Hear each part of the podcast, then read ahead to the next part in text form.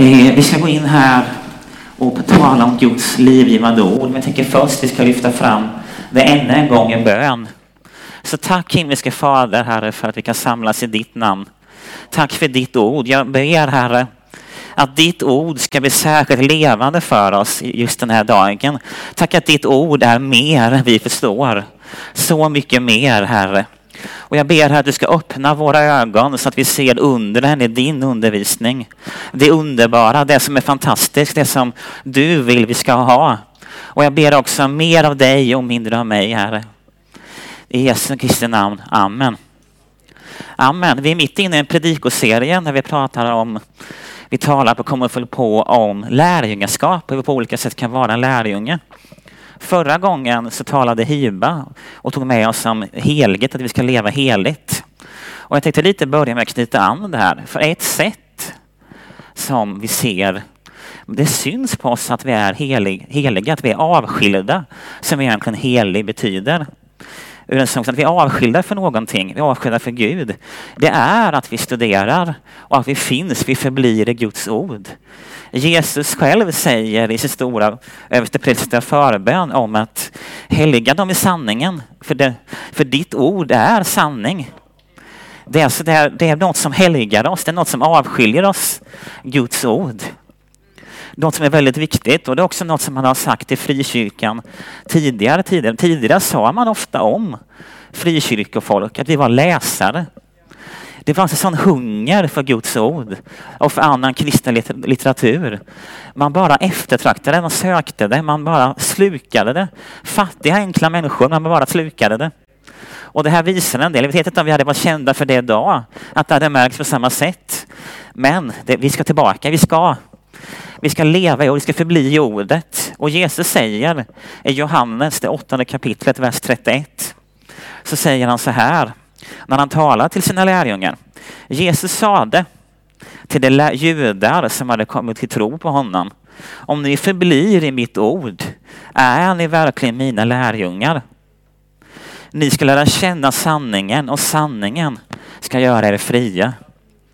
Här kommer det verkligen tydligt igen. Att, att förbli, att verkligen stanna kvar i Guds ord. Det är ett kännetecken på att vara lärjunge som Jesus säger här. Att vi stannar kvar och förblir. Och det är hans ord. Det här var något som var kontroversiellt när han sa det. Om man läser fortsättningen, det ska vi inte göra. Men bara stanna upp på ordet förbli. Det grekiska ordet här betecknar inte bara som vi använder det i svenska, att förbli, jag stannar på den här platsen. Jag är här. Det är även kopplat till tid också. Det vill säga att jag förblir där jag är tidsmässigt. Även om saker och ting rör på sig så är jag här. Det, är alltså en uppgift på något sätt att stanna kvar. Det kan du tänka dig med en flod som rinner om du är en flod. Du måste, ska du hålla dig på samma plats i en ström måste du ro, du måste vara. Eller ha någon typ av maskin framför dig på det hela. Att hålla sig kvar. Och jag vill här då dela två sak, huvudsakliga saker om att verkligen förbli Guds ord under den här tiden. Man kan stanna länge och prata mycket. Men jag tänkte börja med att tala om att när man, att därför vi talar om Guds ord är ju honom ytterst sett. Det är han vi vill lära känna. Och han blir inte mindre av att vi studerar Guds ord, av att vi förblir i Guds ord, att vi stannar kvar där. Han blir snarare större, han blir mer för oss. Och det, det, är ibland lätt när man tänker på ord som att studera Guds ord eller att läsa Bibeln. Jag vet att många av er säkert ibland tänker på varför är det så svårt att få tid för det här? Varför är det så svårt, lätt att göra allt annat, men jag stannar inte upp där? Och vi har säkert ett från tid till tid i våra liv. Ibland kan man se, se ner på, tänka på kunskap när jag kan det här. Men jag känner ingenting. Det är något jag själv tidigare kämpade med, med en hel del med. Jag har alltid haft ganska lätt för att lära.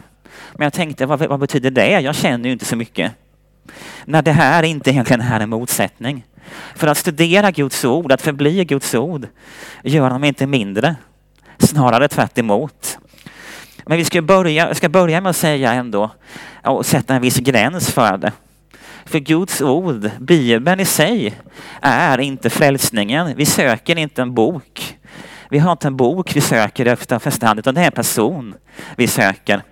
Jesus säger själv i Johannes 5.39 när han pratar med fariseerna så säger han att ni forskar i skrifterna för att ni tror att ni har evigt liv i dem. Det är just det som vittnar om mig. Ordet i sig är inte det som frälser, det är Jesus som frälser. Att vi tror på det. Det kan ibland vara lätt i våra sammanhang när vi håller Bibeln högt att man sätter Bibeln i sig och då kan man bygga lagar och regler ändå. Det är ganska enkelt. Vi människor gillar lagar och regler. Vi vill ha saker att, som enkelt att, och gör vi det även här så ser vi att vi borde göra si, vi borde göra så. Det är inte fel med Guds lagar. De är positiva, de är bra. De finns för vår betydelse, de är för viktiga för oss. Men det betyder inte att frälsningen ligger där. För det är ens person vi ska lära känna, den person vill lära känna mer. Och kunskap är inte där någonting som stänger in. Ni vet ibland när man tänker på kunskap att när, när, ni inte, när ni inte förstår någonting så blir ju, är ju kunskap någonting som är, det är något okänt, man förstår inte hur hänger det här ihop. Och kunskap, när man lär sig någonting av någonting, då kan det bli någonting som, det mysteriet med det borta. Man fattar hur den där saken hänger ihop vad den är för något. Och då blir det ett mindre mysterium.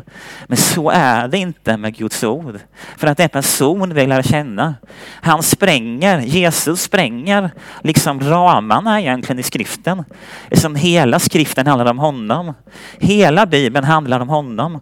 Hela bibeln handlar om Guds stora försoningsverk. Allting fanns till genom honom. Redan Bibelns första ord nästan när Gud talar första gången och när han säger vad är ljus så är Jesus där. Allting vill till genom honom, allting fanns till för honom och allting är till för honom som det står. Det är, all, det är så mycket mer. Guds ord är så mycket mer, än han är så mycket mer. Och hur lär vi känna honom? Kunskap, att lära oss mer, är en väg in i det här. För hur kan vi annars lära känna på ett sätt ibland, en, en Gud som är oändlig. Vi behöver se hans gärningar, hur han är. Genom hans gärningar, genom, självklart i våra egna liv, men primärt genom Bibeln skulle jag säga, så ser vi hur han är i olika fall. Vi ser hans hjärta för människor. Vi ser hans kärlek. Vi ser hans domar. Vi ser hans plan om att fullborda och försona världen med sig själv genom Jesus Kristus.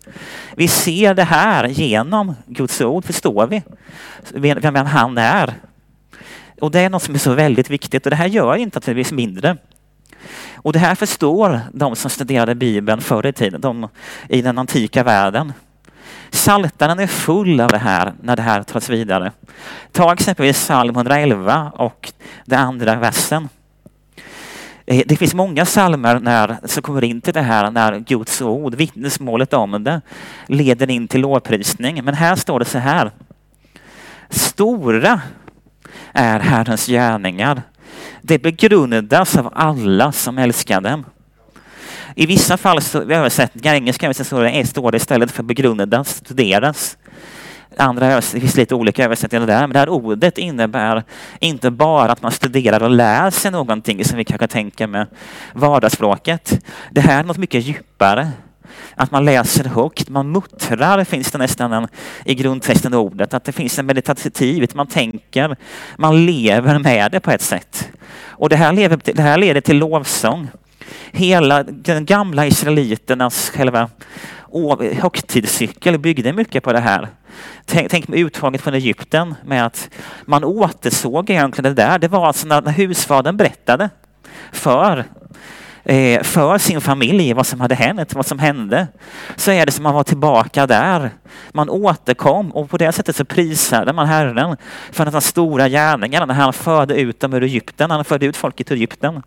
Det är som en återkomst, en högtid, det är som en återkomst som leder till, till som leder till lovprisning, till lovsång, till tacksägelse, till högtid. Vi firar någonting här. Och det är något som är väldigt viktigt här. Så kunskap, mina vänner, är inte bara kunskap. Det är så mycket mer i det här fallet.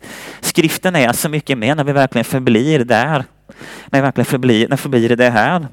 Men inte bara kunskap. Detta leder också, om man verkligen kommer in på det här sättet och verkligen möter honom, det leder till gudsfruktan också.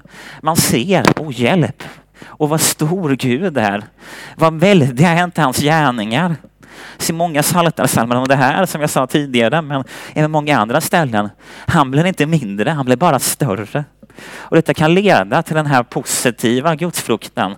Inte att vara rädd för Gud, utan bara nästan att vi darrar för hur stor han är. Och wow, vilka gåvor han har för oss. Bara genom att jag läser att ordet förstår. Det finns en vers i Jesaja bara om att eh, när, när, när, kapitel 60 om det här, jag har inte med det på tavlan men kan inte låta bli att ta den. Om att eh, Jesaja kapitel 60, vers 5 om Herrens gåvor, då ska du se det alltså det Herren ger, och stråla av fröjd. Ditt hjärta ska bäva och vidga sig, för havets rikedomar ska föras till dig. Folkets skatter ska tillföra dig. Det här är ett wow bara. Tänk vilken stor Gud vi har, vilken god Gud vi har, vilken härlig Gud vi har. Wow, det, det påverkar hela oss, att vi förstår mer vad Gud är. Eller tänk Paulus i Romarbrevet 11 efter att han har talat så många stora teologiska sanningar. Han har skrivit djup teologi om vem Gud är, vad frälsning är, vad nåd är. Så kan det inte låta bli i Romarbrevet 11.33 och att, att utbrista i lovsång. Jag läser bara de två första verserna där. Åh, vilket djup och, ri och rikedom och vishet och kunskap hos Gud. Hur outgrundliga är inte hans domar? Hur ofattbara hans vägar. Vem har förstått Herrens sinne? Eller vem har varit hans rådgivare? Paulus kan inte låta bli. Han bara måste prisa Herren.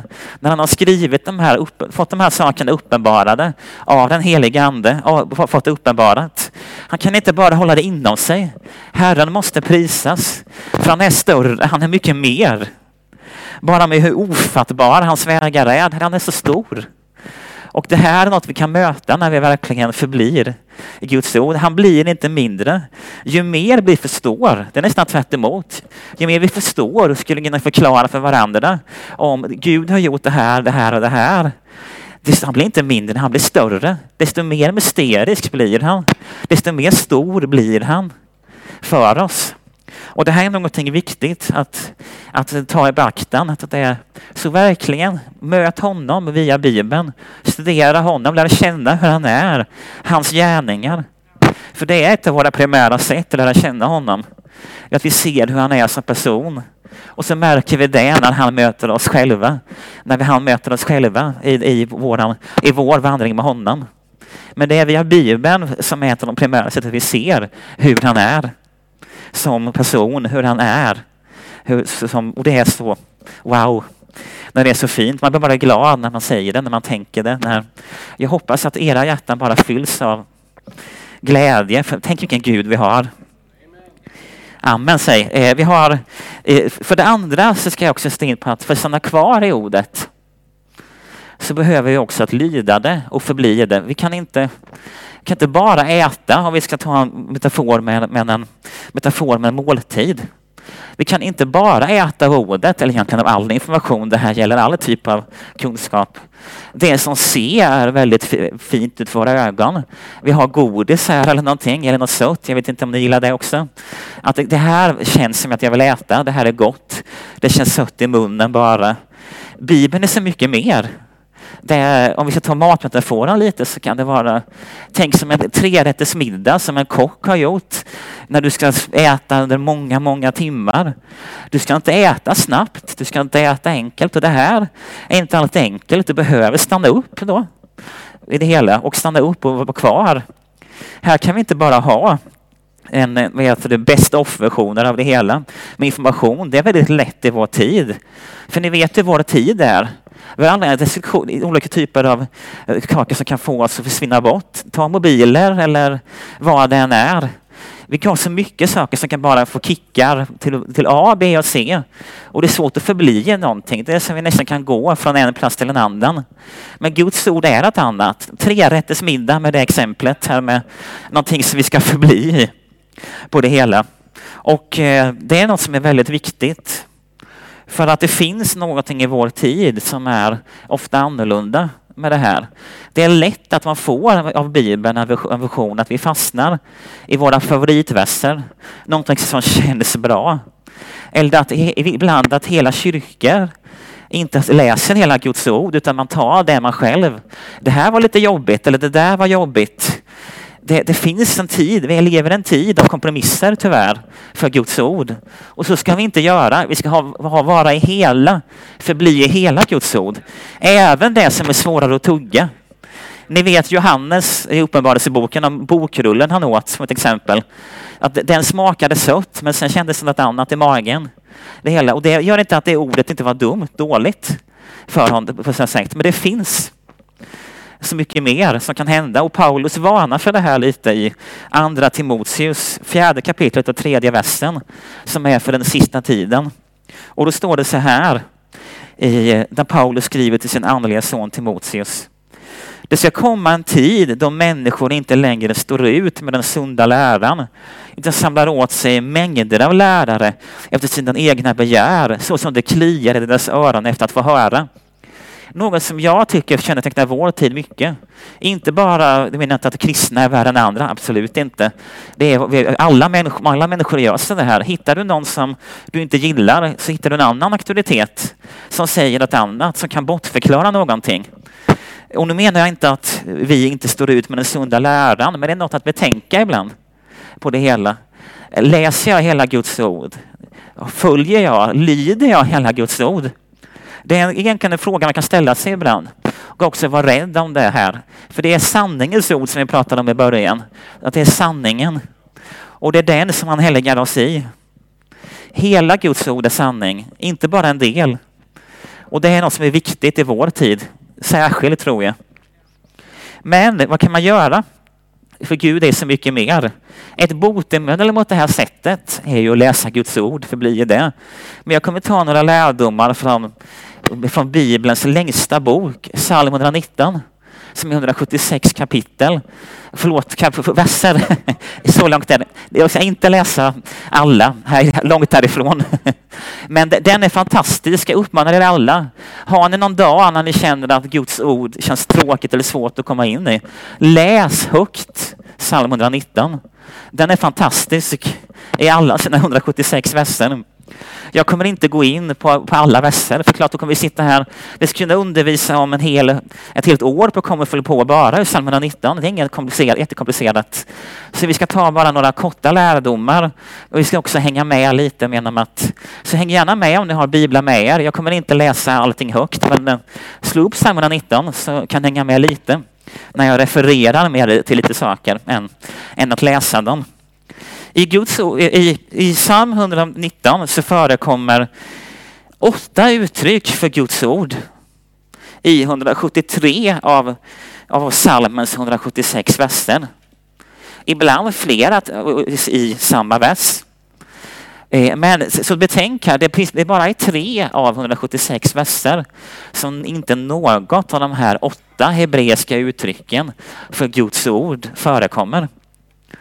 Och de här åtta är, tänkte jag faktiskt säga vilka de är. Det första är, som kommer in här är, heter Imra. Jag ursäkta mitt hebreiska uttal om någon har läst hebreiska. jag har inte gjort det. det. Det betyder ord eller löftesord. Eh, ex exempelvis vers 11, att jag gömmer med ditt ord i mitt hjärta för att jag inte ska synda mot dig. Då är det mitt löftesord. Det här att, att vi här kan bara komma till honom. Vi gömmer Herrens ord i det, hans löften till oss. Och detta bevarar oss så att vi inte syndar, så att vi inte gör fel. Wow! Eh, det är också ordet davar som betyder ord eller uppenbarelser. Den här salmen är ganska tydlig om att Guds ord är evigt. Exempelvis vers 89. Om att för evigt, Herre, står ditt ord fast i himlen. Guds ord är evigt. Hans bud är sanna. Hans rättfärdiga domar är eviga. De är sanna. Och det är någonting som man vill följa. Här. Det tredje ordet är mitzvot, om Guds ord ungefär. Det betyder budord. Det är det man brukar säga när man säger att lagen hade, om det var 612 eller 613 bud, jag kommer inte ihåg just nu, men något sånt där på det hela. Då är det det ordet man använder för det och det är budord. Och de här budorden är även i lidande, det står det i vers 43, om att nöd och ångest griper mig. Men dina bud är mina glädje. Den här psalmisten som är okänd, även om vissa tror att det är David ändå, är så inne på att även i svårigheter, jag kommer till dig. Jag håller mina, dina bud inför mig. Och det här visar att Guds ord är så mycket mer än vittnesmål bara, eller kunskap. Det är också bud, befallningar. Det finns mycket mer och det kommer vi in på ord fem här. Ord fem är mishpatim som är påbud. Det är ett juridiskt ord. Domar översätts det ofta av i folkbibeln. Det är att exempelvis till och med att i vers 62 som ni ser när det finns en lovprisning att psalmisten är uppe i natten för att prisa, Herren, prisa Herrens domar och lova dem. Det är något vi inte tänker på alltid, att vi lovar honom för hans domar. Att hans domslut, att de, för de är rättfärdiga. Och det är så viktigt att vi kan lita på honom. Han är den rättfärdiga domaren. Och det är något vi ska kunna ha tillförsikt i i hans ord. Att han, han, är, han är vår domare, han är vår Herre. Och vi litar på att i hans nåd att han, han har oss. Det är också våra stadgar, är ett annat ord som används, edot. Eller vittnesbörd som det också sägs. Att exempelvis att dina vittnen, det finns som en glädje, de är rådgivare. Det är också pidokim ungefär, betyder föreskrifter att eh, det är något som, vi har, som Gud har gett. Befallningar säger folkbibeln ibland, som har getts för att de ska hållas noga. Eh, och sen det åttonde ordet, eh, väldigt känt ord som ni alla kan, det är undervisning. Tora på hebreiska som är ibland en sammanfattning för hela skriften, ibland för Moseböckerna som ni säkert vill. Men eh, det är ett ord som förekommer här väldigt mycket. Också om Guds undervisning, hans vägledning. För Guds ord är vår vägledning. Det är något vi kan följa. Och exempelvis om det är något som han ber om här, psalmisten, att vi ska få förstånd. Så att vi kan, att vi kan ta vara på hans undervisning, vi kan hålla fast av den i hela vårt hjärta. Det finns så mycket här i det. Och det här är någonting, alla de här orden, det kan vara befallningar, domar, oavsett vad det är, visar verkligen på olika sätt på vad Guds ord är. Att det är, det är, verkligen, så, det är verkligen så mycket mer än vi ofta tänker. Jag tror, jag tror man skulle göra en handuppräckning att få att räcka upp handen och säga att de har vaknat mitt i natten och prisat Gud för hans domar, exempelvis. Det är nog inte det första man tänker på att göra, kanske. Men även de är rättfärdiga. Även de är, även de är viktiga.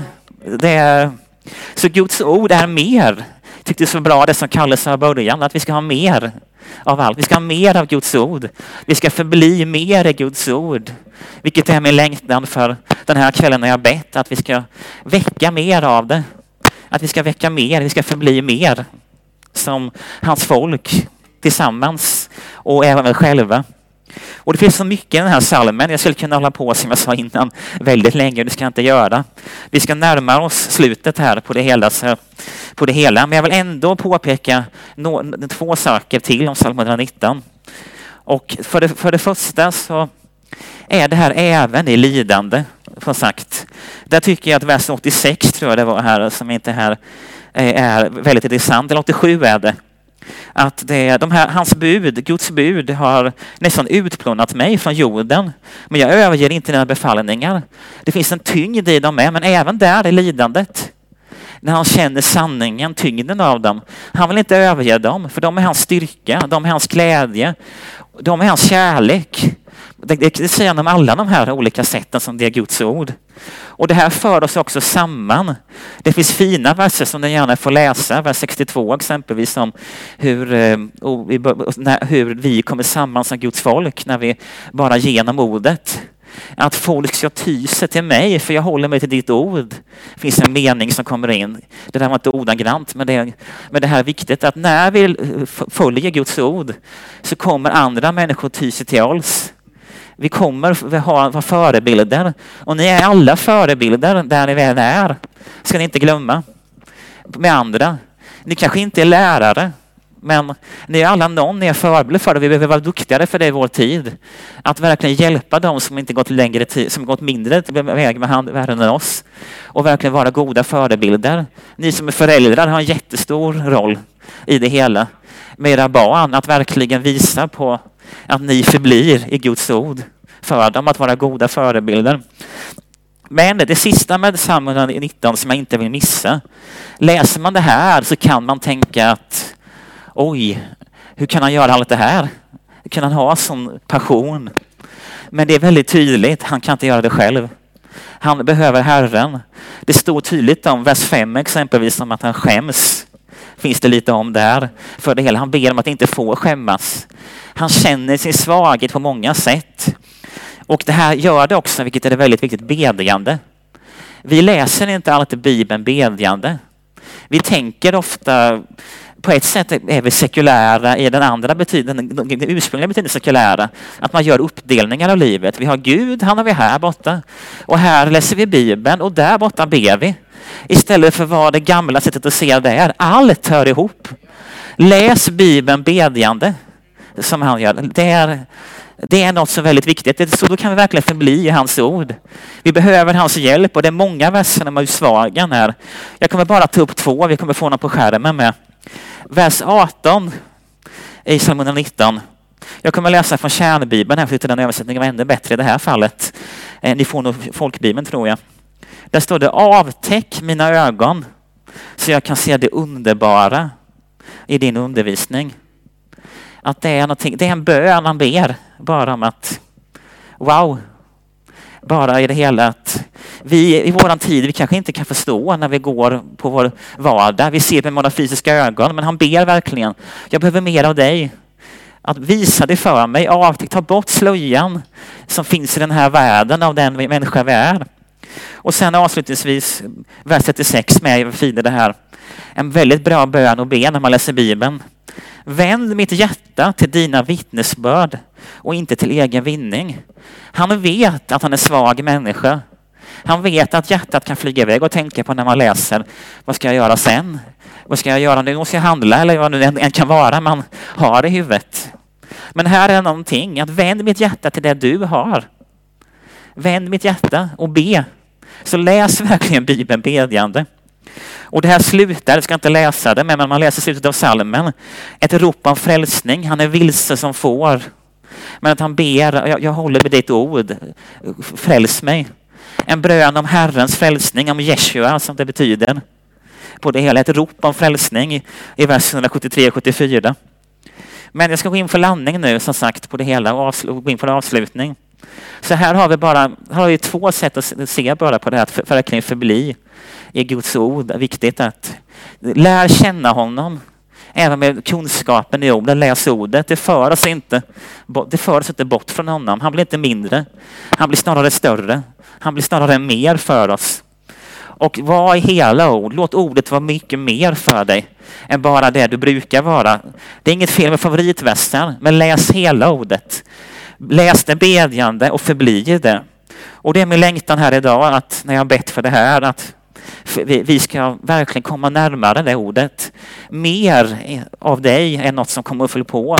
Egentligen är viktigt och det som kanske gå som ett tema. Och som lärjungar, mer av dig.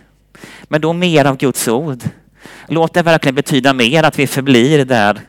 Och det, det är något som den helige Ande vill ge oss. För det är hans hjälp. Han är vår hjälpare. Det är väl han som vill blåsa in en vind i oss om vi känner att det är trångt eller att det är svårt att läsa Guds ord. Be honom, han kommer svara dig. Be honom om hjälp. Läs Bibeln med honom. Läs inte Bibeln själv och var i den ständigt på olika sätt med, i bön. För det är liv. Och känn inte att jag är inte smart, jag kan inte förstå det här. Det här är inte för mig. Jo, det, det, står, det står i Guds ord att han ger förstånd till enkla människor. Det är inte vad vi har att ta med oss som är det viktiga. Det är det han har gjort för oss som är det viktiga. Det är aldrig vi. Oavsett om du är teolog och har läst i 20 år eller knappt har, är nyfrälst och inte förstår, tror, tänker du förstår någonting. Det handlar om honom. Det är han som har lärt oss, inte vår vishet vi ska söka. Det är hans vishet, han som är visheten. Han som är vägen, sanningen och livet. Amen. Mm, mm, mm,